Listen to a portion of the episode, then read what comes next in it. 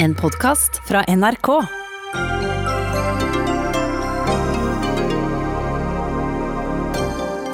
Hvor gode koronabetingelser skal oljebransjen få, og hvor lenge skal de vare? Forslagene som ligger på bordet er helt urealistiske og uansvarlige, mener SV.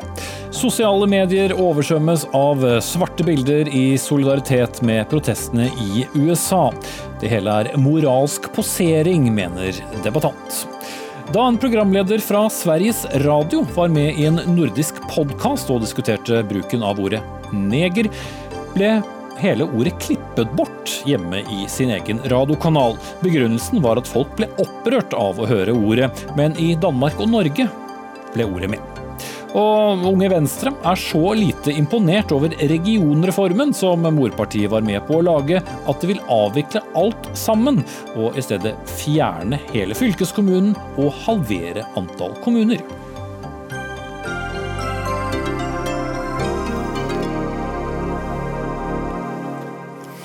Da sier vi riktig god uh, onsdagskveld og velkommen til Dagsnytt 18. Jeg heter Espen Aas.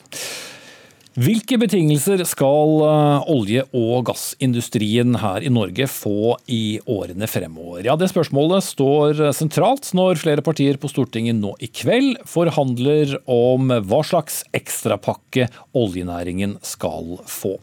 Den uh, selv har bedt om bedre betingelser enn det som kom i de opprinnelige tiltakene fra regjeringen. Og før vi skal uh, diskutere det hele politisk, skal vi forsøke å få et visst innblikk i rammene rundt det hele. Kjetil Bragle Asseheim, politisk redaktør i Aftenposten. Du skriver om disse betingelsene i egen avis i dag under overskriften 'Den svarte krisepakken blir stadig større'. Hva er det næringen har bedt om som politikerne nå vurderer å gi dem? Oljeprisen falt jo ganske dramatisk i mars, da du fikk en dobbel smell da, fra koronatiltakene i verden, der forbruket av olje falt, og en oljepriskrig der Saudi-Arabia økte produksjonen av olje, sånn at markedet ble flommet over. Det næringen ba om, var en midlertidig endring i skattesystemet, som gjør at de betaler får trekke fra mer av utgiftene sine med en gang og betale mindre skatt nå, mot at de skal betale mer av den skatten senere. Mm. Ja, og Før så kunne de da skrive av disse investeringene over en seksårsperiode, og så fikk de kompensert fordi det skjedde over flere år. Nå skriver de av alt med en gang, men får likevel da beholde denne kompensasjonen. Hvor gunstig er dette? Ja, De får beholde halvparten av den kompensasjonen i forslaget som regjeringen kom med. og Så er det det som ser ut til å bli økt ganske kraftig på Stortinget. Det Forslaget fra, fra regjeringen var det kommer litt an på hvordan man regner. For staten så var dette egentlig en fordelaktig ordning ved at staten får inn 14-15 milliarder mer i skatt. Men samtidig var det, en, en, var det fordelaktig for oljeselskapene ut fra hvordan de vanligvis regner, og at de også ville da spart 14-15 milliarder i skatt. Så det, det var, sånn som Finansdepartementet presenterte det, så var det gunstig både for oljeselskapene og for staten. Mm. Og I din kommentar i dag så setter du da dette opp mot uh, satsingen på fornybar uh, energi. Og det som Stortinget kommer til å bestemme seg for i løpet av de neste timene, eller natten for den sakens skyld, hvis dette tar lang tid, hvor avgjørende blir det for en eventuell grønn omstilling? Det er jo en veldig stor usikkerhet om hvordan den oljenæringen kommer til å utvikle seg de neste 10-20 årene. Og Spørsmålet er i hvor stor grad er det riktig å stimulere at staten skal gå inn nå og stimulere investeringer i, i nye oljeprosjekter. Det er, det er, klart en usikkerhet nå med koronasituasjonen, hvor hardt det kommer til å påvirke verdensøkonomien og hvor lenge det varer. Det er en usikkerhet om hvordan oljemarkedet utvikler seg, om det, om det blir ro. og om den, si, den våpenhvilen i oljepriskrigen kommer til å vare, eller om det, hvordan den vil utvikle seg. I tillegg har du den energiomstillingen som er i verden med overgang til mer fornybar. og Spørsmålet er hvor fort vil den gå. Mm. Det er, det er, den usikkerheten ligger der for, for Norge som, som land, og for bransjen, selvfølgelig. Da sier foreløpig takk til deg, Kjetil Alstaheim fra Aftenposten. Kommer tilbake til deg om litt. Men dere i SV har jo vært med på å forhandle vel så godt som alle pakker som regjeringen har foreslått, og som har blitt sendt videre til Stortinget. Kari Elisabeth Kaski, finanspolitisk statsperson fra SV. Men her brøt dere ut. Hvorfor? Vi har jo sittet i de her forhandlingene lenge nå. Egentlig har det gått flere uker. Og vi har i det lengste forsøkt å, å få, finne frem til en enighet som, som vi mener både ville kunne vært med å trygge arbeidsplasser, som eh, ville bidra til den omstillinga som norsk økonomi må igjennom, og sikre at det skatteregimet som oljebransjen til slutt får, da blir ramma inn på en sånn måte at, eh, at man eh, er garantert at det vil gi arbeidsplasser i Norge, og at du vil få både sysselsettingseffekter da, eh, med norske arbeids- og lønnsvilkår, og at det vil ikke innebærer bare at eh, oljeselskapene kan ta ut store utbytte til eierne. Eh, og Det var egentlig den konklusjonen vi trakk i går, da, at det fikk vi ikke til. Det var ikke mulig å få flertall for den type innramminger, samt at de øvrige partiene, og da et flertall, gikk så langt i retning av å gi skattelettelser til, til oljeselskapene, og, og, en sånn detaljstyring på hvilke prosjekter som, oljeprosjekter som må bygges ut. Ja, for Bare for å ha det på det rene, dere går ikke inn for å avvikle oljenæringen eller dere vil uh, fortsatt at oljenæringen skal få uh, en hjelpepakke, men ikke sånn som det ser ut nå. Hva var det dere ville gjort annerledes? Vi har jo spilt inn veldig mange ulike forslag her. fordi hele bakgrunnen for den oljepakka til regjeringa omhandler i realiteten leverandørindustrien og trygge de arbeidsplassene som er der. og Det har også vært viktig for oss i SV. Så ville nok vi aldri lagt fram et sånt oljeforslag i utgangspunktet. Vi mener at en innretning med aktiv industripolitikk, der du setter i gang nye prosjekter innenfor eh, både karbonfangst, havvind, eh, eh, grønn skipsfart, hydrogen, ville ha gitt prosjekter som, som spilte mer inn over i liksom den nye økonomien og den nye eksportindustrien som Norge skal leve av. Men nå mener dere det bare holder pakka, det eksisterende gående? Når pakka først ble lagt fram, så, så, har vi vært med å diskutere og forsøkt å finne løsninger der som vi kunne vært trygge på faktisk gir aktivitet. Og vi er jo redd for at det som blir det endelige resultatet, ikke har noe garanti overhodet på at pengene vil strømme videre fra oljeselskapene over i, i norske arbeidsplasser. Pluss at det blir så utrolig stort skjevfordeling, da, sånn at oljeindustrien i realiteten får et mye mer gunstig skattesystem enn det annen landbasert industri får. Mm. Marit Arnstad, stortingsrepresentant og parlamentarisk leder for Senterpartiet. Du er med oss fra Stortinget, hvor dere har eh, mye å bli enige om eh, utover kvelden. Et midlertidig regime som skal vare i mange år. Hvor mange andre næringer får slike goder som det dere diskuterer eh, i dag? Ja, jeg er jo ikke så veldig opptatt av oljeselskapene.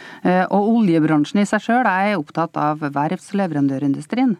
Det er de arbeidsplassene som nå er eh, i risikosonen. Det er dem som er utsatt, og det er, de, det er, på de plassene du nå må få oppdrag som gjør at du kan holde deg flytende de neste tre årene. Det gjelder i Egersund, det gjelder på Stord, det gjelder på Verdalen. og Dette er store arbeidsplasser med veldig store ringvirkninger rundt omkring i lokalsamfunnet. Og Det er også de samme verftsarbeiderne som jo skal sikre det grønne skiftet på sikt. Mange av dem er allerede inn i mye av det arbeidet. Ake, altså Kverner Verdal bygger jo havvind for Tyskland og for Storbritannia. Eh, de er inne knytta til havbruk og, og merder i, i havbruk ute i havet. Men, men de kan ikke skru av bryteren én dag, for så å slå den på to og et halvt år etterpå.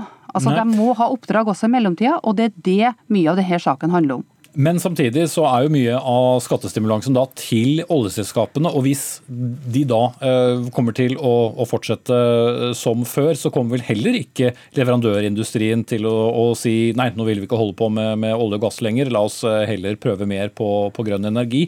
Hvordan skal man da få til den omstillingen? Men, men, for det første så er det ikke enten-eller. fordi at For leverandørindustrien så vil det være en glidende overgang. De vil i en overgangsperiode nå ha behov både for oppdrag fra olje- og gassindustrien men samtidig også oppdrag innenfor det fornybare. De er nødt til å ha flere bein å stå på i en periode, fram til de nok blir mest fornybart.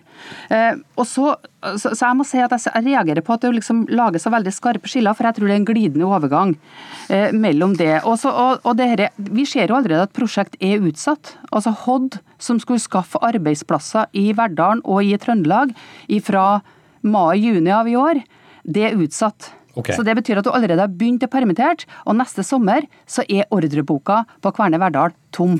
Kaski.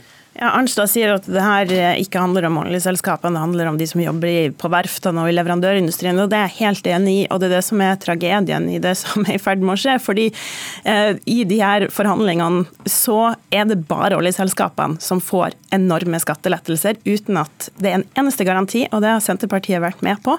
Eh, for Senterpartiet har ikke jobba for å få noe garanti for at det går til arbeidsplassene langs kysten og gir sysselsetting i leverandørbedriftene. Og hele ideen ideen om at man skal da egentlig gå inn og gi så store skattelettelser at man får realisert utbygginger som i utgangspunktet ikke har vært lønnsomt. Og nå snakker jeg ikke nødvendigvis om Hod-utbygginga, for det er, en, det, er en, si, det er, et relativt lite prosjekt som det er helt fint å gjennomføre for å sikre aktivitet på Verdalen, men, men ideelt sett så burde jo de allerede nå gjennom aktiv industripolitikk fra staten fått helt andre oppdrag som peker framover okay. og, starte den omstillinga. Men det er jo snakk om en lang rekke andre felt i Barentshavet, andre felt som i utgangspunktet ikke har vært lønnsomme, og som man nå sitter og skrur på oljeskattesystemet for å gjøre lønnsomme for selskapene, men der det er stor usikkerhet for om staten kommer til å tjene penger på det. Åtte økonomiprofessorer advarer mot uh, disse omfattende endringene i Aftenposten i dag, bl.a. fordi de mener det kan bidra til da nettopp ulønnsomme investeringer og gjøre oss mer oljeavhengige og ikke mindre. Frykter ikke dere det samme, Arnstad? Jeg tror først jeg må få lov å svare på noe av det som Kaski nå sier. Altså For det første så prøver Kaski å redusere betydninga av et felt som Hod. Eh, ja, det er mulig at eh, SV syns det er et lite felt, men for folk i Trøndelag og for arbeiderne som jobber i leverandørindustrien i Midt-Norge, så er det et kjempestor oppgave. Bare si det. Det er veldig viktig. Ok, men gå til det eh, overordnede. Og så vil jeg også si at det er uriktig å kalle dette en skattelette. Dette er en utsatt skatt, og målet må jo være, etter Senterpartiets mening, at i sum så skal det bidra til mer skatt til fellesskapet samla sett over tid. Det gjør regjeringas forslag, men det er også mulig å få til andre modeller der summen i det hele blir økt skatt inn til fellesskapet. Og Det må være målet. ikke sant? Det er jo ikke noe skattelette. er men, men, altså, med respekt. men hovedpoenget med... Og det mener jeg, det kan vi, vi, kan godt slå gjennom de slagordene og ikke kalle det skattelette. Jeg ser at ikke Kjetil Bragli Alstheim sier det i dag at det er et skattelette. Han sier at det er en omfordeling, og det er det. Det er en utsatt skatt, som igjen kan føre til økt skatteinngang til samfunnet på sikt. Men med respekt å melde så er det ikke de modellene Senterpartiet har spilt inn i de forhandlingene. Senterpartiet har gått lengst i å bidra til at det blir en modell som innebærer skattelette, noe som Finansdepartementet bekrefta på møtet i går kveld i forhandlingene, som jeg faktisk har sittet i.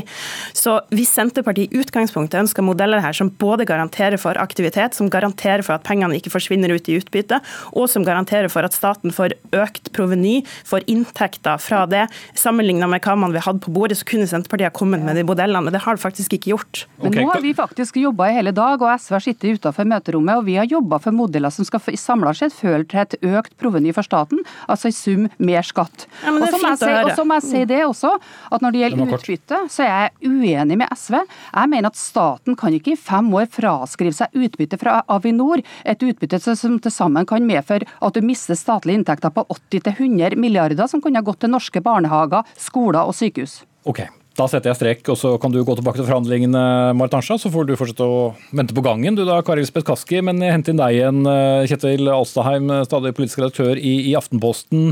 Eh, ulike partier posisjonerer seg ulikt her. Vi inviterte for ordens skyld også Arbeiderpartiet, men for å sitere dem selv, de hadde ikke noen som kunne stille i, i dag. Men eh, hvordan vil du si de posisjonerer seg? Nei, det er jo en, eh, er, altså, Situasjonen denne våren er at eh, regjeringen har kommet med forskjellige tiltakspakker i forbindelse med koronakrisen, og så har eh, Stortinget lagt på litt ekstra. Og Det er jo det vi ser her fra særlig Fremskrittspartiet og Senterpartiet, som prøver å vise syn, veldig tydelig at de, de stiller opp for oljenæringen og vil knytte seg til de arbeidsplassene rundt omkring på og verftene og i leverandørindustrien, som vi hørte Marit Arnstad snakke om her. Mm. Og Det er farlig å si eh, nei til det. Derfor har vi sett eh, både Sylvi Listhaug og, og Hadia Tajik i, eh, i, farta, både på verft og, og sammen med fagforeninger. Ja, vi så Arbeiderpartiet og Hadia Tajik var ute sist uke sammen med LO og Fellesforbundet for å, for å måtte ta tilbake den posisjonen. Jo, men når du hører på både hva Arbeiderpartiet har sagt og de spørsmålene de har stilt, så er det en stor skepsis i, hos Arbeiderpartiet til å gjøre den type endringer. Eh, Arbeiderpartiet og Høyre har vært de to partiene som har vært opptatt av at oljenæringen skal ha stabile og langsiktige rammebetingelser. Det har også næringen vanligvis vært opptatt av. Og nå gjør man store endringer i skattesystemet som kommer til å ha betydning flere år fremover. Og så hadde vi da disse åtte økonomiprofessorene som har skrevet innlegg i, i Aftenposten og advarer mot dette. Også uh, internt i Finansdepartementet skal det være ganske delte meninger. Hvor stor uenighet er det om hvordan dette kommer til å slå ut på sikt? For dette skal det jo da vare i mange, mange år fremover. Ja, Finansdepartementet er jo veldig tydelig på at Eh, vidt det, det Marit Arnstad også var innom, at dette ikke er en skattelette slik regjeringen hadde foreslått det. Men hvis man øker denne friinntekten som vi var innom her tidligere, eh, sånn som det er foreslått fra bl.a. Fremskrittspartiet, Arbeiderpartiet og Senterpartiet i disse forhandlingene, så, så, vil det jo begynne å kunne nærme seg eller bli en skattelette. Vi får jo se hva de kommer frem til til slutt. Uh, og så har det vært en det har vært en, en diskusjon eller en krangel nærmest mellom Finansdepartementet og oljenæringen om eh, hvorvidt dette skattesystemet har vært nøytralt eller ikke. Nå er det måte, hele den boksen åpnet, eh, delvis eh, rett og slett av oljenæringen selv, fordi de ba om midlertidige endringer. Så det, det som også er interessant her, er om det at de får denne midlertidige ordningen, vil utløse en ny diskusjon om hele skatteregimet og hvordan oljeskatteregimet bør være i årene fremover, med tanke på den energiomstillingen eh, verden står oppi. Så det kan ha noen konsekvenser her som oljenæringen kanskje ikke helt så for seg da de kom med det kravet i slutten av mars. Klokken 10.30 i morgen skal forslaget fra opposisjonspartiene ligge på bordet. Vi får vite mer da. Takk til deg også, Kjetil B. Asseheim, politisk redaktør i Aftenposten. Dagsnytt 18 alle hverdager kl 18.00 på NRK P2 og NRK2.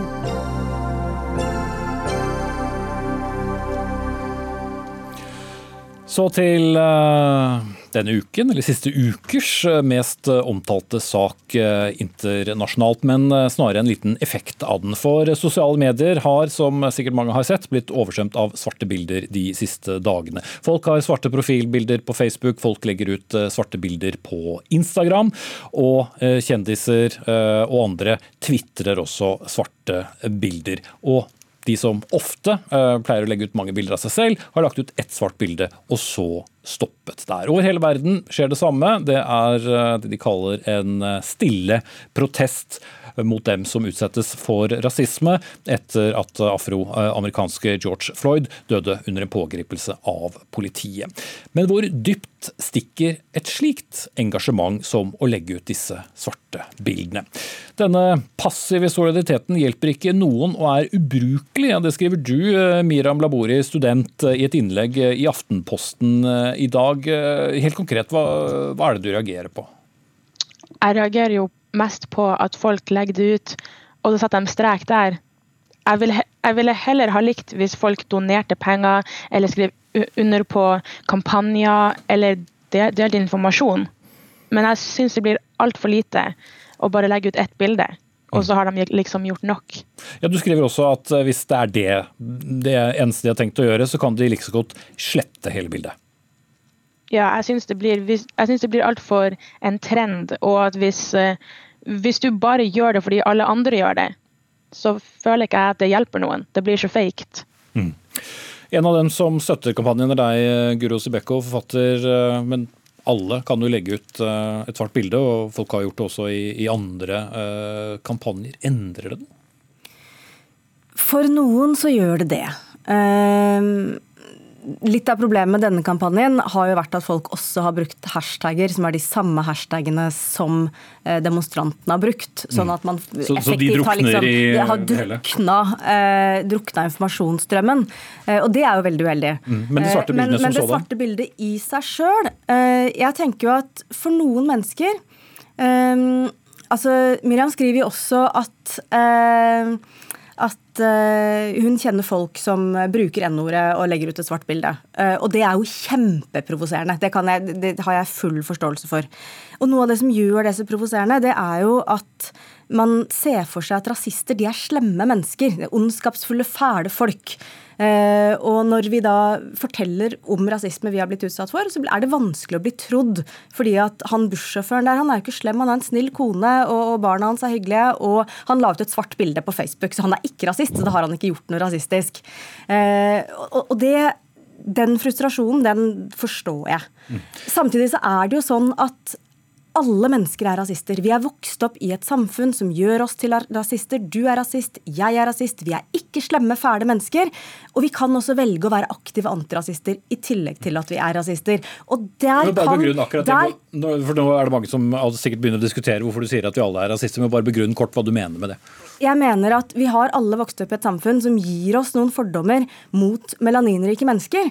Eh, jeg har også det. Jeg har fordommer mot min egen hud. Jeg liker ikke mitt eget hår, og jeg er redd for folk som ser ut som broren min. Altså, det er jo fullstendig tett i skallen. Men den indoktrineringa den har nådd meg, og jeg veit at den har nådd deg. Det kan vi ikke noe for. Men det er likevel vårt ansvar. ikke sant? Vi kan likevel velge å gjøre noe med det. Og for noen så vil kanskje det svarte bildet være det første den første antirasistiske handlingen de gjør. Og det er jo andre mennesker som velger å legge Trump-taler i dag. Ja. Eh, sånn at vi, altså, Det er selvfølgelig veldig provoserende at folk bruker N-ordet og legger ut svarte bilder, men det er det å bruke N-ordet vi vil at de skal slutte med, ikke det å legge ut svarte bilder. Mm. Men til selve kampanjen. Enkelte som da har valgt å, å ikke gjøre det, har lagt ut bilder vanlig, blir da beskyldt for å ikke støtte kampanjen. Er det Eh, altså Hvis man ikke har deltatt i kampanjen, så har man jo ikke deltatt i kampanjen. Og det er jo et valg alle mennesker står fritt til å ta. Mm. Men er det galt å ikke delta?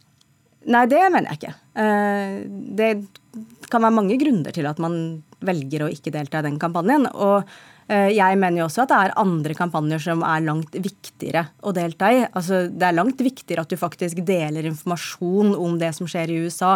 At du deler påminnelser om at det samme har skjedd i Norge for bare fem år siden. At du deltar i de fysiske demonstrasjonene som skal være. At du leser bøker som kan gjøre deg bedre i stand til å oppdage Men også legge ut svart bilde er bra i seg selv. Eh, men å legge ut et svart bilde, det er også fint. Mm. Vibeke Torning Ørås, du er eh, kriminolog, og du skriver i VG i dag at du ikke ønsker å være det du kaller en mor moralsk eh, posør. Hvordan blir man en moralsk posør ved å, å legge ut et svart bilde? Eh, ja, hvordan blir man det? Det er jo det jeg ikke vil være. Eh, og er redd for å bli ved å poste et sort bilde i denne kampanjen. Fordi jeg er litt sånn jeg, I min verden så er dette selvfølgelige verdier. Alle mennesker er like mye verdt. Black lives matter. Så tenker jeg skal jeg poste på Facebook noen sånne selvfølgeligheter?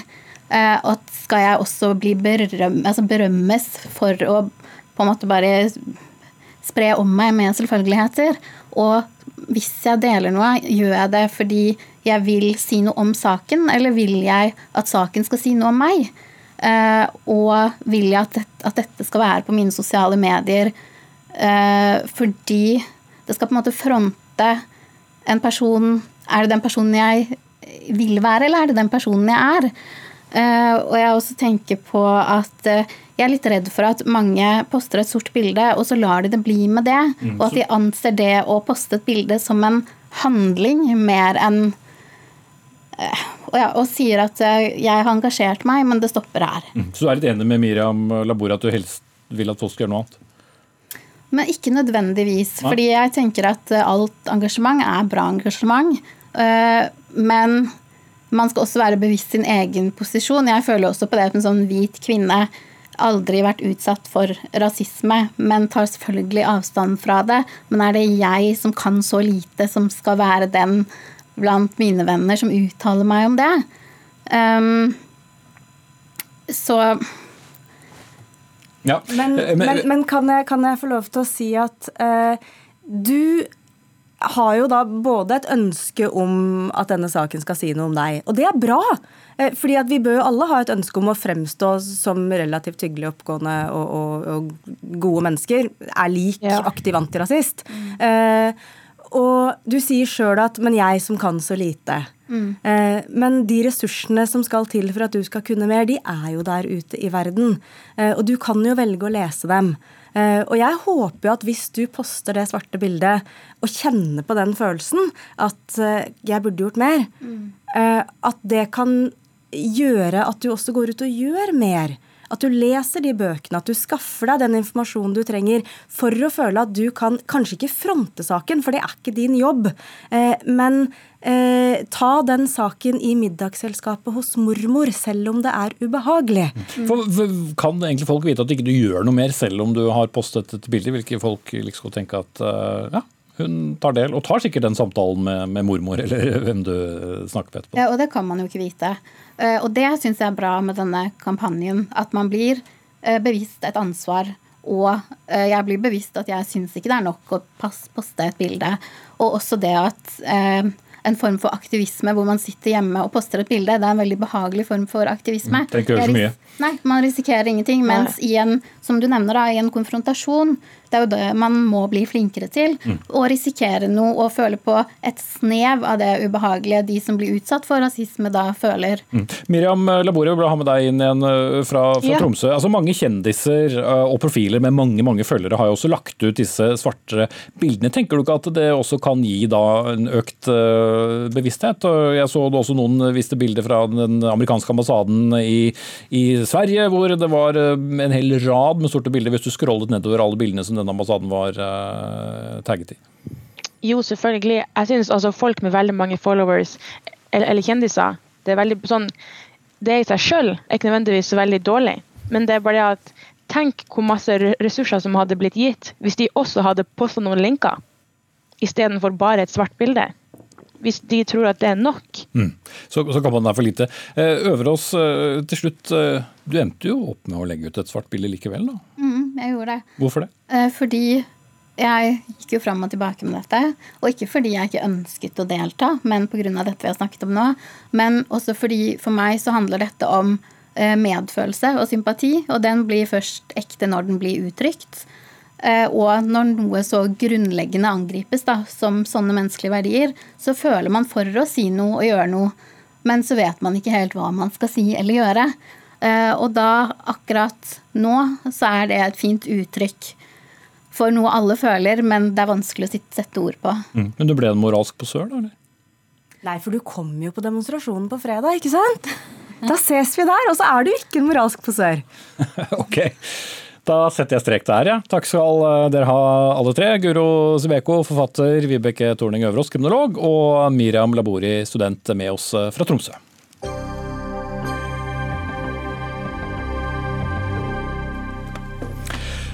Senere i sendingen så kommer artisten Staysman hit til Dagsnytt 18 for å snakke om de som faller utenom støtteordningene til kulturlivet i koronakrisen. Støtteordninger som han mener først og fremst har kommet de store konsertarrangørene til gode.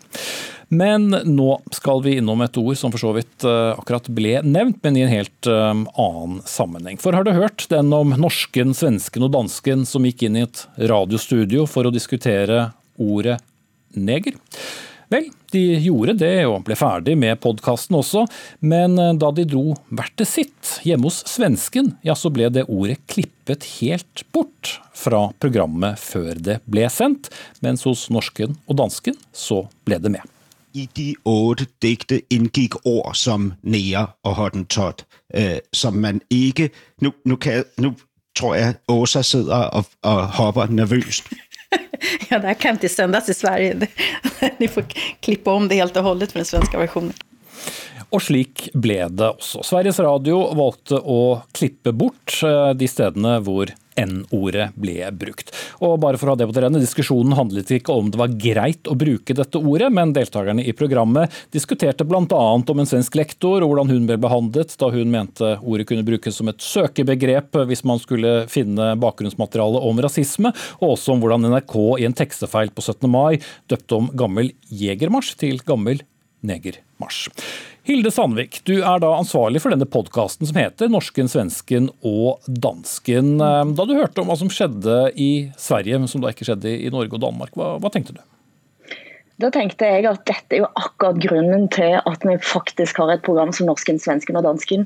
Eh, fordi vi både er så like, vi skjønner hverandre, vi forstår nøyaktig hva vi sier. Og så har vi altså disse store forskjellene da, som ble enormt tydelige i det øyeblikket svenskene faktisk eh, fjerna ord. og som du òg presiserer, så var jo dette en debatt som nettopp handla om en historisk kontekst. Det var en metadebatt. Og kanskje svenske lyttere lurte på hva det var vi snakket om i øyeblikket, at det kanskje ble litt uforståelig. Men det er òg fullstendig helt og holdent opp til Sveriges Radio, som, som heldigvis da sender dette programmet, noe som jeg jo er forferdelig takknemlige for. Det skjønner jeg når du er programskaper. Nina Glans, du er kanalansvarlig for P1 da, i, i, Sveriges Radio, og bestemte at uh, podkasten måtte klippes om før den ble sendt. Og, og Forklar våre norske lyttere hvorfor det var uh, riktig og viktig.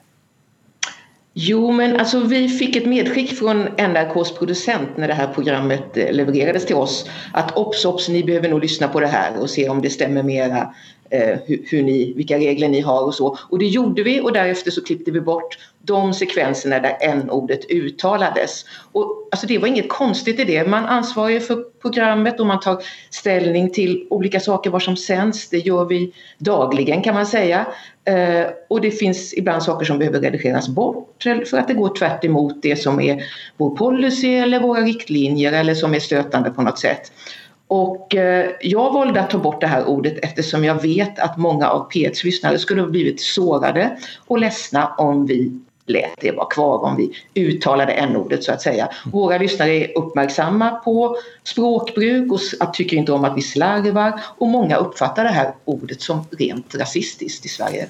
Men når konteksten var som det den var, det var jo ikke en diskusjon om man skulle tillate ordet. Eh, det brukes jo ikke på, på norsk eh, radio heller i omtale av, eh, av, folk. Ville ikke det da vært mer opplysende å, å latt det stå?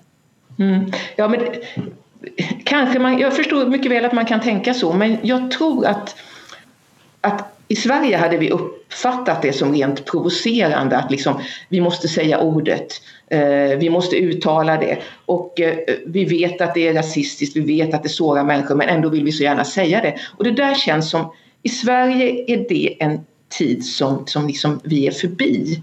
Eh, vi kanske hade den där diskussionen för ett par decennier sedan, jag, jag kan minnas det, men Idag är det en icke-fråga i Sverige. Vi tycker att n-ordet det behöver man inte uttala. Det finns säkert någon som gör det i samhället. Jag menar inte att det är förbjudet på något sätt. Det är inte förbjudet i radio heller egentligen. Men man gör en bedömning och man kommer oftast fram till att när vi pratar radio i alla fall och jag tror att man gör det i tidningar och allt möjligt att eh, ja, men det här ordet behöver vi inte använda längre. Mm. Hilde Sandvik, dere sendte altså med en liten advarsel med podkasten. Var det for å ja, tilrettelegge for at man kunne klippe det ut? Eh, altså, Åsa Linderborg sa jo, som vi viste i klippet òg, at dette kommer ikke til å bli sendt til Sverige. og vi tok vel kanskje den vurderingen at det var greit å melde fra om, selv om en tenker at en hører på forhånd. Og så er det helt opp til Sveriges Radio, som har redaktøransvar på dette programmet, eh, å sende det som de mener er mm. innenfor deres policy. Eh, vi er jo først og fremst glad for at vi òg eh, har et svensk stort publikum. og har ingen problem med at de klipper det vekk på den måten. Og For mm. meg så handler det rett og slett bare om at det understreker hvorfor et sånt program som dette er viktig. Mm. Åse, Åse Vetås, du er direktør i Språkrådet her i Norge. og Hva slags forhold har dere Språkrådet til N-ordet? Altså Mange tror jo at vi i Språkrådet godkjenner eller forbyr eh, bruk av enkeltord i norsk. Det gjør vi ikke. I utgangspunktet så er alle ord lov å bruke i norsk. Det er utgangspunktet. Så er det sånn at Vi veileder i god og korrekt eh, språkbruk. og det er klart at uh, I veldig mange sammenhenger så vil det være både unødvendig og støtende og feil å bruke ordet neger, men i denne sammenhengen her, der han altså snakker om Uh, ja, bl.a. Uh, søkeord til bruk for å identifisere artikler som omhandler rasisme så vil det kunne være nødvendig å ha det ordet. Mm. Og Det er òg nødvendig å føre opp denne typen sensitive ord i ordbøker med en beskrivelse som gir språkbrukerne en bruksanvisning eller en veiledning til at ord kan være støtende, eller oppfattes av enkelte grupper som støtende. Mm. Men som eh, språkdirektør så sa du til meg på telefonen tidligere i dag at det å forby et ord, det, det ville være galt. Ja, til og med litt totalitært, sa du. Ja, jeg vil tenke at uh, om en statlig etat i Norge hadde myndighet til å forby folk å bruke ord, så ville det være veldig, veldig feil. Samtidig så tar jo vi ansvaret vårt for å opplyse om god språkbruk på alvor. og Vi har bl.a. en lang artikkel om ordet neger som gjør greier for hvorfor det er Eh, problematisk å bruke. Mm. Tanker om det, Nina Glans?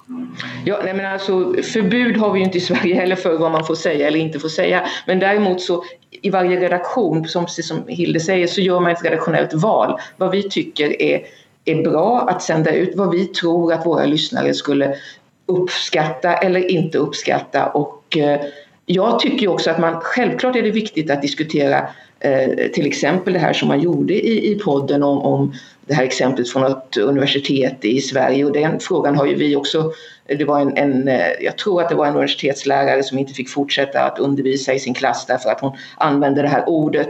Och det är ju och den har vi fört i P1 också i, just det här fallet. Men Eh, jag tycker att det kan man prata om, man kan diskutera det utan att för den skullen eh, säga ordet. Eh, ofta blir det ju liksom med lite citat kring och nu säger vi det och så. Och I podden så pratade ju både Åsa Lindeborg och Hilde själv om den här frågan på ett jättebra sätt utan att de sa ordet. Så att jag förstår inte riktigt vitsen att man, att man måste alltid illustrera det. Om man säger att nu pratar vi om n-ordet och debatten kring det så, så förstår ju alla människor ändå. Mm. Vet oss, Trenger vi egentlig å bruke det? Alle forstår hva vi tenker på når vi sier n-ordet.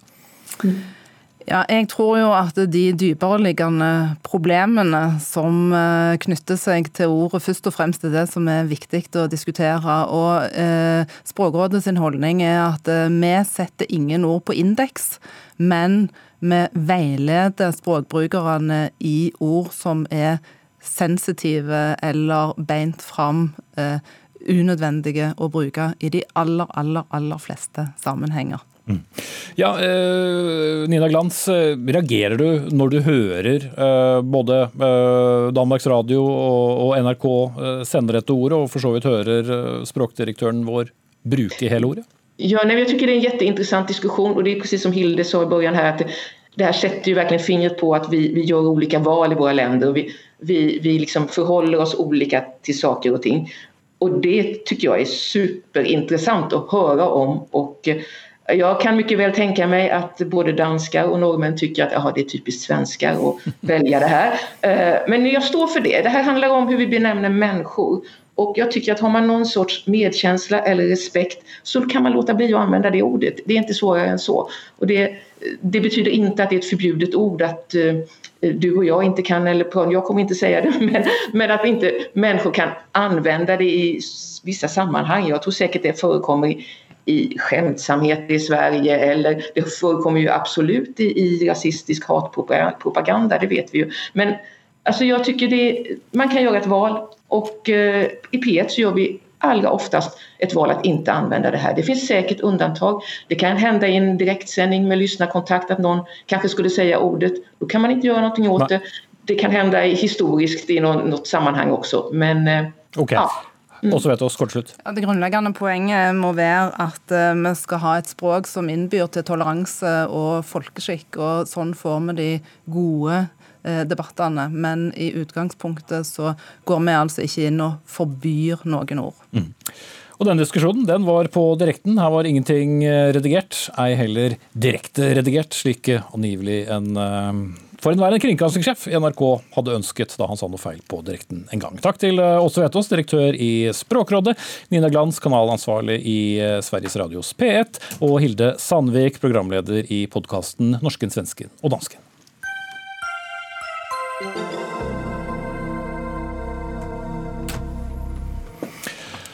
Koronaepidemien har, som vi vet, rammet kulturnæringen hardt. Festivaler, konserter og forestillinger rundt omkring i det ganske land er avlyst, mange av dem på ubestemt tid. Og i rykk og napp har det kommet eh, hjelp fra regjeringen. Flere kompensasjonsordninger, både som skal gjelde alle, og noen for kulturnæringen spesielt. Annet får konsertarrangører tilbake penger for tapte billettinntekter.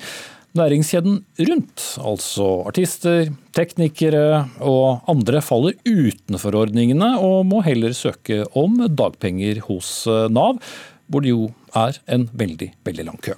Og Dette har du reagert på, Stian Staysman Torbjørnsen. I et lengre innlegg på Facebook så lurer du på om det er noe riv ruskende galt, for å sitere deg, eh, med støtteordningene til, eh, til norsk kultur. Hva, hva hadde du sett for deg? Ja, altså, altså, Først når det her skjedde, så skjønner jeg at det var en krisesituasjon, og at eh, noen måtte hive seg rundt da, for å finne på gode støtteordninger til eh, kulturlivet. Uh, og jeg, ble egentlig litt sånn Med en gang jeg skjønte at mange av konsertene som jeg skulle ha den sommeren her, som var rundt 30-40 stykk, hadde jo søkt om kompensasjon for eh, tapt billettsalg. Og mange av de konsertene har jo jeg også eh, hatt en prosentandel av overskudd. Noen steder har man hatt f.eks. en Man deler inntektene som kommer inn. Og jeg har jo sittet da og jobba seks måneder da, eh, med mange av de konsertene her på promosida, og på en måte så fram til å ta med vårt crew, vårt band og våre pyroteknikere da, som skulle da ha lønn.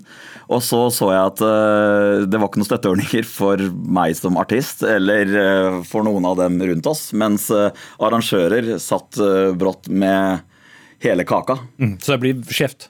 Ja, veldig. Jeg syns det var en, en, en det, det det, Jeg har ikke lyst til å kaste noen arrangører under bussen her heller, liksom. De har jo bare gjort det de har fått beskjed om. Men det ble veldig feil for meg. på en måte det, det, skal jo litt flere til da, for å lage en konsert enn bare en arrangør. Man trenger jo en artist, og man trenger jo teknisk avdeling også, på en måte. Mm. Men noen har tjent på det, og noen har bare tapt? Det er litt sånn man kanskje føler, da. At det her er noen som sitter i, i kanskje brått noen tilfeller også i større pluss enn det ville gjort hvis man hadde avholdt konserten i utgangspunktet. Mm. Vi inviterte, som vi ofte gjør i saker som dette, Kulturdepartementet til å delta i Dagsnytt 18. Det kunne ikke de, men de har sendt deg, Kristin Ørmen Johnsen, leder i familie- og kulturkomiteen på, på Stortinget fra partiet Høyre. Hvorfor er det slik disse ordningene er innrettet eh, til arrangørene, og de, alle de andre blir da stående med miljøhånda? Ja, først må jeg si eh, det er veldig trist at du ikke får eh, holde konsertene, men, men sånn er det. Vi er veldig opptatt av at kulturen skal komme på bena igjen. Og så må jeg si at når dette skjedde 12.3, da den røde knappen ble trykket på, så så satte man seg jo ned og tenkte hva skjer, hvordan vil dette gå utover kulturen? Og da begynte man, og eh, departementet har jo både jo, Det blir en lang historiefortelling, jo, men, altså, men si syns du det treffer riktig? Se, nei, altså det ser vi jo nå. At dette økosystemet da, rundt eh, eh, arrangementer, altså vi har teknikere, det er eh, alle som ordner med lyd, lys, sminke, altså alt dette her, det er med for å lage en konsert. Men jeg tror at som jeg sier, når dette skjedde, så tenkte man liksom aller først hjelp. Vi får tomme teatersaler, vi får eh, festivaler hvor det ikke er folk. Hva skjer? De må få kompensert billettene. Mm. Altså, så dere tenkte ikke helt igjennom? Nei, jeg tror, og det, jeg må iallfall også tenke det at jeg tenker, Hjelp, hva kan vi gjøre? Hva kan vi gjøre veldig kjapt? Og så er det klart det at vi som politikere også hører jo på de som er rundt oss. Og det er klart at eh, Jeg savner jo kanskje en, en bransje som, som, taler med en, en, litt sånn tydelig stemme for dette systemet som er rundt eh, alle konsertene våre. Men nå er dere her, så det er veldig bra. og så må jeg jo si at det er jo ikke helt, helt mørkt, for vi har jo gjort noe på dette med permitteringsregler, det er kontantstøtteordning, så det er jo liksom noe. Men det er ikke nok. Og det er det vi ser nå at eh, dette eh, systemet, hele systemet, får ikke ta del i disse ordningene. Så det ser vi. Ja, Hvor mange får tatt del, Torbjørnsen? Ja, det er, jo, det er jo, akkurat det. da. Jeg, jeg, føler jo, jeg venter jo på eh, svar, ja, egentlig. Jeg er jo litt jeg, jeg, står litt sånn, jeg er litt sånn rådvill, rett og slett. Jeg vet liksom ikke hva, hva man skal gjøre. Og jeg så ser jeg samtidig en bransje som Eh, er i ferd med å gå duken. Det er jo flere og flere eh, sceneleverandører osv. som går konkurs da, i disse dager. Og jeg er så stygt redd for at det skal bli vanskelig å liksom få hele bransjen opp på beina igjen da, når, når, det åpner opp og det er lov å spille konserter igjen. Hvor mange som står igjen. Mm. Joel Schwalenstrøkker, du er styreleder i Norwegian Entertainment Managers and Agents Association. Eller NEMA, som vi sier for å, spare tungen. En organisasjon som representerer hundrevis av, av norske artister. Det er mange som er glemt fortsatt, sier dere, til tross for disse eh, krisepakkene. Eh, hvordan mener du de burde vært innrettet? Altså, først kan jeg si at man, denne kompensasjonsordninga som finnes for arrangører, er jo ekstremt raus, og den anerkjenner også at vår bransje er uforholdsmessig hardt ramma. Eh, men den har fullstendig glemt når den kompenserer for tapte billettinntekter, så den har fullstendig glemt hvem er det som det selges billetter til. Eh, innholdet på arrangementene. Og Det er jo i og for seg, som eh, Stian sier også, er jo forståelig i første omgang, og, og at man ikke har truffet blink på første, første, forsøk. Og vi bak er nok de mindre synlige i bransjen. Og det må vi anerkjenne. Og som du sier, at vi også må samle oss og få én stemme som kan snakke for en hel bransje. Eh, men nå har vi både gått til pakke én, pakke to og pakke tre, og fortsatt så står vi på bar bakke sammen med artistene som vi representerer. Men er kulturlivet så annerledes fra alle andre bransjer? I dette tilfellet så er det jo det. det altså Nedstenginga vil jo mest sannsynlig være lengre enn noen annen bransje. En, eh, ikke for å slenge noen bransje under, under, bussen, men en frisør kan gå på jobb dagen etterpå og generere inntekt. Vi har en horisont på seks til tolv måneder på vår inntekt. og det som er realiteten, er at det er sommersesongen som er den store saken. fordi at det er der kapitalen på investeringer som er, eller avkastning på investeringer som er gjort ett og to år tilbake i tid, kommer, i tillegg til kapitalen til å faktisk ha aktivitet på høsten og på våren, som et forskning viser faktisk ikke er lønnsom for verken artist eller arrangør. Mm. Ja, uh, og vi har en erkjennelse av, av dette. Uh, og ting, jeg må jo si det, at ting har gått veldig fort. Vi har fått ganske mange penger på beina. Det er jo 1,2 milliarder til den arrangementsstøtten.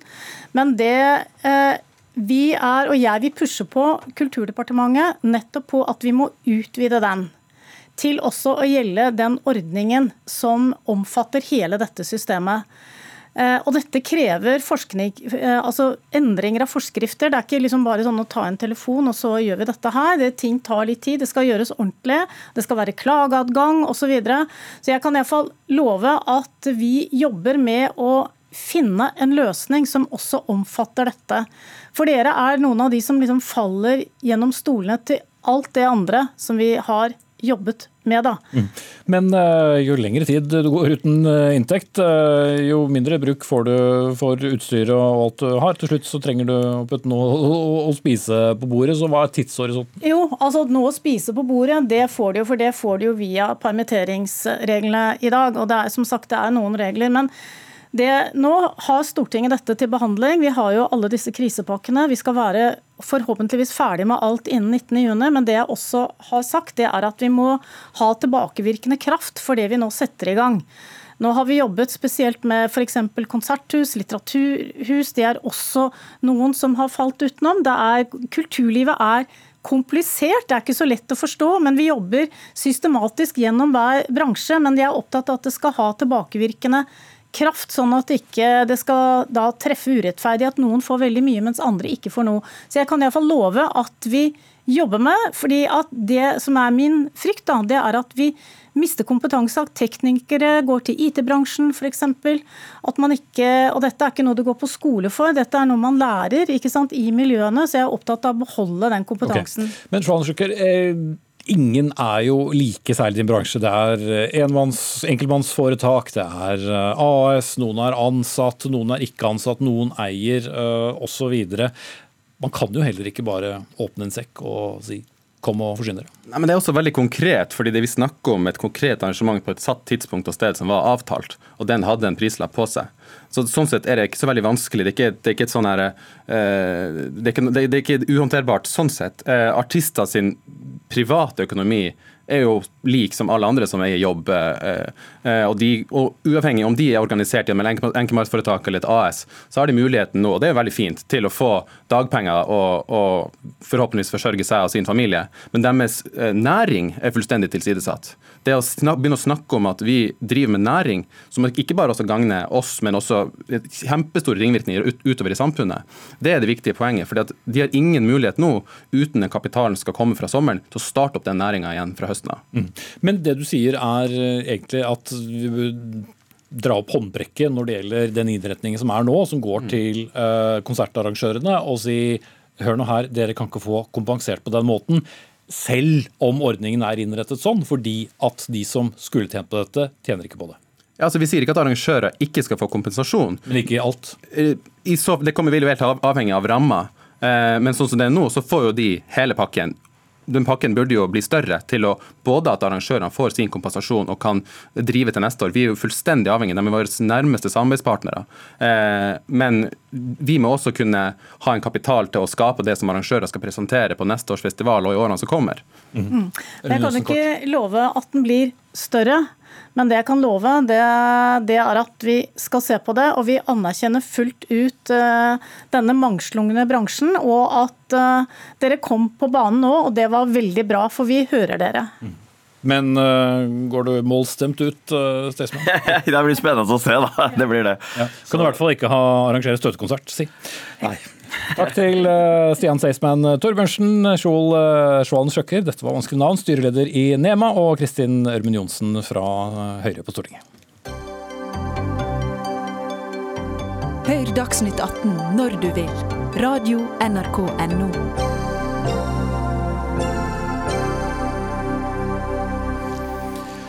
Som en bumerang kommer den ofte tilbake til Dagsnytt 18 regionreformen. Unge Venstre går nå i strupen på sitt eget moderparti og vil avvikle hele reformen. Reformen som reduserte 19 fylker til 11 og reduserte antall kommuner fra 422 til 356. Mye takket være Venstre. Høyre og Fremskrittspartiet ville fjerne alle fylkeskommunene, men eh, fikk ikke viljen sin. Men dere Unge Venstre vil nå fjerne reformen, fjerne fylkeskommunene og halvere antall kommuner. Sondre Hansmark, leder i Unge Venstre. Var det Høyre og Fremskrittspartiet som hadde den beste løsningen likevel? I ettertid så syns jeg det. Eh, og For meg så er det viktig at avgjørelser skal tas nærmest mulig de det gjelder. Og fylkeskommunen er jo på ingen måte nærmest mulig de det gjelder. Og jeg mener at vi har Selv om de eh, har ansvar for f.eks. videregående skoler, brannvesen En del av de oppgavene som fylkeskommunen har i dag, mener jeg, at, mener jeg at det er oppgaver som kommunene kan håndtere. Og Det som er forutsetningen for at vi skal gjøre denne reformen som jeg ønsker, nemlig å kvitte oss med fylkeskommunen, må jo bety at vi må ha en ordentlig kommunereform som gjør at vi setter alle norske kommuner i stand til å overta oppgavene fra fylkeskommunen. Og Jeg vil ha så store kommuner i Norge at de skal kunne ta over ansvaret for tannhelse, for videregående opplæring. Og det tror jeg vi kan få til. Og I dag så er det et eh, ganske spesielt kommunekart vi ser rundt omkring i landet. Vi har eh, Norges minste kommune på 200 innbyggere, som skal håndtere akkurat de samme oppgavene som en by på 200 000 innbyggere. Men jeg mener at hvis vi får en ordentlig kommunereform som setter norske kommuner i stand til å både gjennomføre de oppgavene som de har i dag, men også de oppgavene som vi ønsker å gi dem i fremtiden, så kan vi klare å kvitte oss med fylkeskommunen. Som det er blitt gjentatt til det kjedsommelige i dette studio, den regionreformen ble ikke slik noen egentlig ville ha den. André Skjelstad, kommunalpolitisk talsperson i Venstre. Det var jo et eh, kompromiss, men det som Hansmark kom med her, det er i hvert fall en dårlig idé. Syns du? Jeg syns at makt skal flyttes nedover, nærmest mulig innbyggeren. Så Der er dere enige. Men hva skal vi da med fylkeskommunen? Eh, ja, vi skal med fylkeskommunen fordi at det blir noen paradoks på det Hansmark kommer med her. Fordi at Bærum i sin tid fikk jo tilbud med f.eks. å ta videregående opplæring, var vel da på 110 000 innbyggere. Fant fort ut at det her gikk ikke opp. Eh, så kan vi bare ta et eksempel. Gamle Finnmark er på 75 000 hadde sine utfordringer på videregående opplæring tidligere. Hvordan skulle jeg gjort her? Hvis vi hadde tatt eh, sjablået og sagt ca. 100 000 per, per, kommune, så hadde det vært ca. 54 kommuner med noen enorme avstander. Spesielt når vi tenker på videregående opplæring i forhold til yrkesfagene, som er en ganske stor pre. Så, så det går ikke, rett og slett? Nei, Jeg har ikke noen tro på at det går. Eh, og Danskene valgte jo da, eh, gikk jo bort fra mellomnivået en stund, men fant ut at de måtte ha noe som har samhandling mellom kommune og stat. Og Jeg er redd for at den løsningen som for så vidt Hansmark nå er enig med Høyre og Frp på, i utgangspunktet vil gi mer statlig styring og mindre kommunal styring. og Samtidig vil du få en voldsom sentralisering i samfunnet, der at makt blir lengre fra innbyggerne i utgangspunktet. Mm. Utover å sikre veldig mange velgere til Senterpartiet, hvor mange er egentlig fornøyd med den regionreformen som det ble? da? Nei, altså Regionreformen kunne ha vært enda bedre, det skal jeg være den første til å innrømme. Men, men altså, klart, vi hadde ikke mer makt i de rommene. Vi hadde uh, eh, forhandla med to som ikke ville ha det her. Eh, vi har hele tida sagt at eh, regioner, eller mellomnivået som vi ofte kaller det, vil være muligheten da til å faktisk kunne samhandle med i bedre grad mellom kommuner og stat. Og så er det jo en store forskjeller i forhold til når jeg dro opp Danmark her. Vi har en geografi som er helt forskjellig. Altså, det Landet her er mange ganger så stort, og, det, og samhandlinga vil bli problematisk. Mm. Og så er, så er jo ikke kommet ifra at Du vil sentralisere makt rundt de største byene hvis du gjør et tonivåmodell. Det er jo ikke enkelt bare å finne ut hvor et sykehus eh, skal ligge et, eh, innenfor ett fylke, og hvis det så skulle være en rekke byer som skulle bestemme. Lykke til med det, Hans Mark. Enkelt blir det nok ikke, men altså, de store reiseavstandene i Finnmark de forblir der uansett om vi har fylkeskommunen der eller ikke. Og jeg mener at Hvis man tar makten nettopp fra fylkeskommunen og dytter den ned til kommunen, så vil vanlige folk sitte nærmere på makten og ha lettere for å påvirke sine politikere. Men hver kommune kan jo ikke ha sitt brannvesen, sin videregående skole. Det må jo ja, altså nå, nå, måtte det et helt utvalg til da, for å bestemme region- eller oppgavefordelingen mellom fylkeskommunene. Jeg tror ikke jeg skal svare på direkten hva, hvordan alt skal fungere. Eh, men hvis du tar makten fra fylkeskommunen og gir den ned til vanlige politikere i kommunestyret, så tror jeg folk vil ha lettere for, å ta kontakt med f.eks. sine folkevalgte. Fylkeskommunen den har lavere valgdeltagelse enn andre organer i Norge. Ganske mange av de jeg kjenner som er for så vidt ganske politisk interesserte, sliter med å navngi noen av sine fylkestingspolitikere. Og det vitner om et organ som ikke lenger har så mye legitimitet i befolkningen. Og jeg har troen på at Hvis man dytter denne makten nærmere folk, så vil vi skape bedre lokalsamfunn hvor folk kan delta mer i demokratiet, istedenfor å la det ligge hos et eh, litt byråkratisk og unødvendig organ. Men 54 kommuner, nå reduserte vi her til 356. Vi kunne gjerne ha tatt noen steg til. Hadde ikke vært oss imot det men det har gått ned til 54, som for så vidt vi skulle ta en sjablongmodell med at du skulle kunne ta videregående skoler inn i kommunene, sånn som Hansmark eh, argumenterer for her, ville gi derimot det motsatte. Det ville gi da et større makt mot stat. Og det som er litt sånn forunderlig, så et intervju med, med Hansmark for en tid siden, at han ikke ville gjøre noe med fylkesmannsembetet, som er den siste rest av embetsstat, etter min mening. Ja, Så da er statens representant i hvert enkelt fylke, bare for å ta med det nivået? Ja. ja. For, for, å kontrollere at de lovpålagte oppgavene faktisk blir bli utført osv. Det tok vi ned. Altså, Det nivået tok vi ned i forbindelse med regionreformen, for at vi ønska mindre makt til staten, mer makt til overført da til innbyggerne mot kommuner og fylkeskommuner. Det var et viktig grep. Og så flytta vi en god del oppgaver, samtidig som at vi også flytta ut statlige oppgaver fra staten. Mm. Så er det en del kommuner som ikke var helt de oppgavene som de hadde håpet eh, å få. da. Men uansett hvordan vi vrir og vender på Hansmark, det er vært ufattelig mye støy rundt denne regionreformen. Eh, tror du det blir jubel gjennom landets kommuner med dette radikale forslaget til Unge Venstre? Folk vil jo ikke slå seg sammen? Jeg tror nok eh, Det vil nok være litt motstand, det vet vi også fra den forrige runden om kommunesammenslåing. Men vi vet også at det var helt nødvendig for å sikre gode tjenester til sårbare mennesker rundt omkring i kommunene. Og det er vi helt enige om. Og vi må huske på at det er fortsatt sånn at halvparten av landets kommuner er under 5000 innbyggere.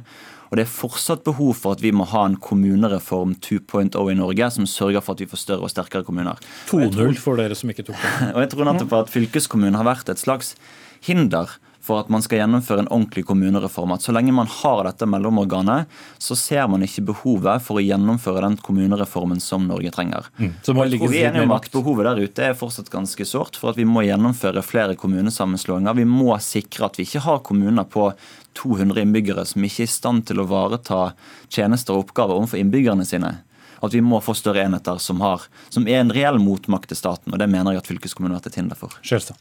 Ja, så Reell motmakt det skal vi være enige om at vi har behov for. Men vi, min mening er at da har vi nettopp mellomnivået, altså regionnivået, som tar vare også på de regionale næringsinteressene i en region, samt videregående opplæring, som jeg syns er særs viktig. Og Det var også en av begrunnelsene bl.a. rundt Finnmark-Troms, som det var ganske mye støy om. Så skulle jeg gjerne hatt eh, en regionreform som hadde blitt noen færre regioner enn det vi er i dag. Mm. Dere skrotet jo kulturreformen, eh, Venstre. Eh, Kultur-Norge skulle jo det, det, det, var vel en ganske sterk motstand, også dels i enkelte fylkeskommuner, som ikke ville ha oppgaver. Så at, uh, her er jo litt av utfordringen med at noen ikke vil ha de oppgavene som blir pekt på. Og da er Vi jo, og vi har jo generalistprinsippet, dvs. Si at uh, alle skal gjennomføre de samme oppgavene i både regioner og kommuner. Og Det er en utfordring mener jeg, over tid, hvis du skal gjøre noe med kommunestruktur. Mm. Norge er uh, verdens største distrikt, leste jeg i en uh, bok uh, i går. I hvert fall satt sammen av veldig mange små. Takk til André Skjelstad, kommunalpolitisk talsperson i Venstre, og Sondre Hansmark i Unge Venstre. Vi merket oss at dere forholdt dere til etternavn på hverandre gjennom denne diskusjonen, til tross for å tilhøre samme parti.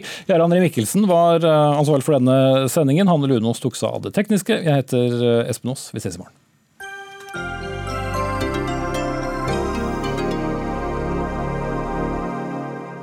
Du har hørt en podkast fra NRK.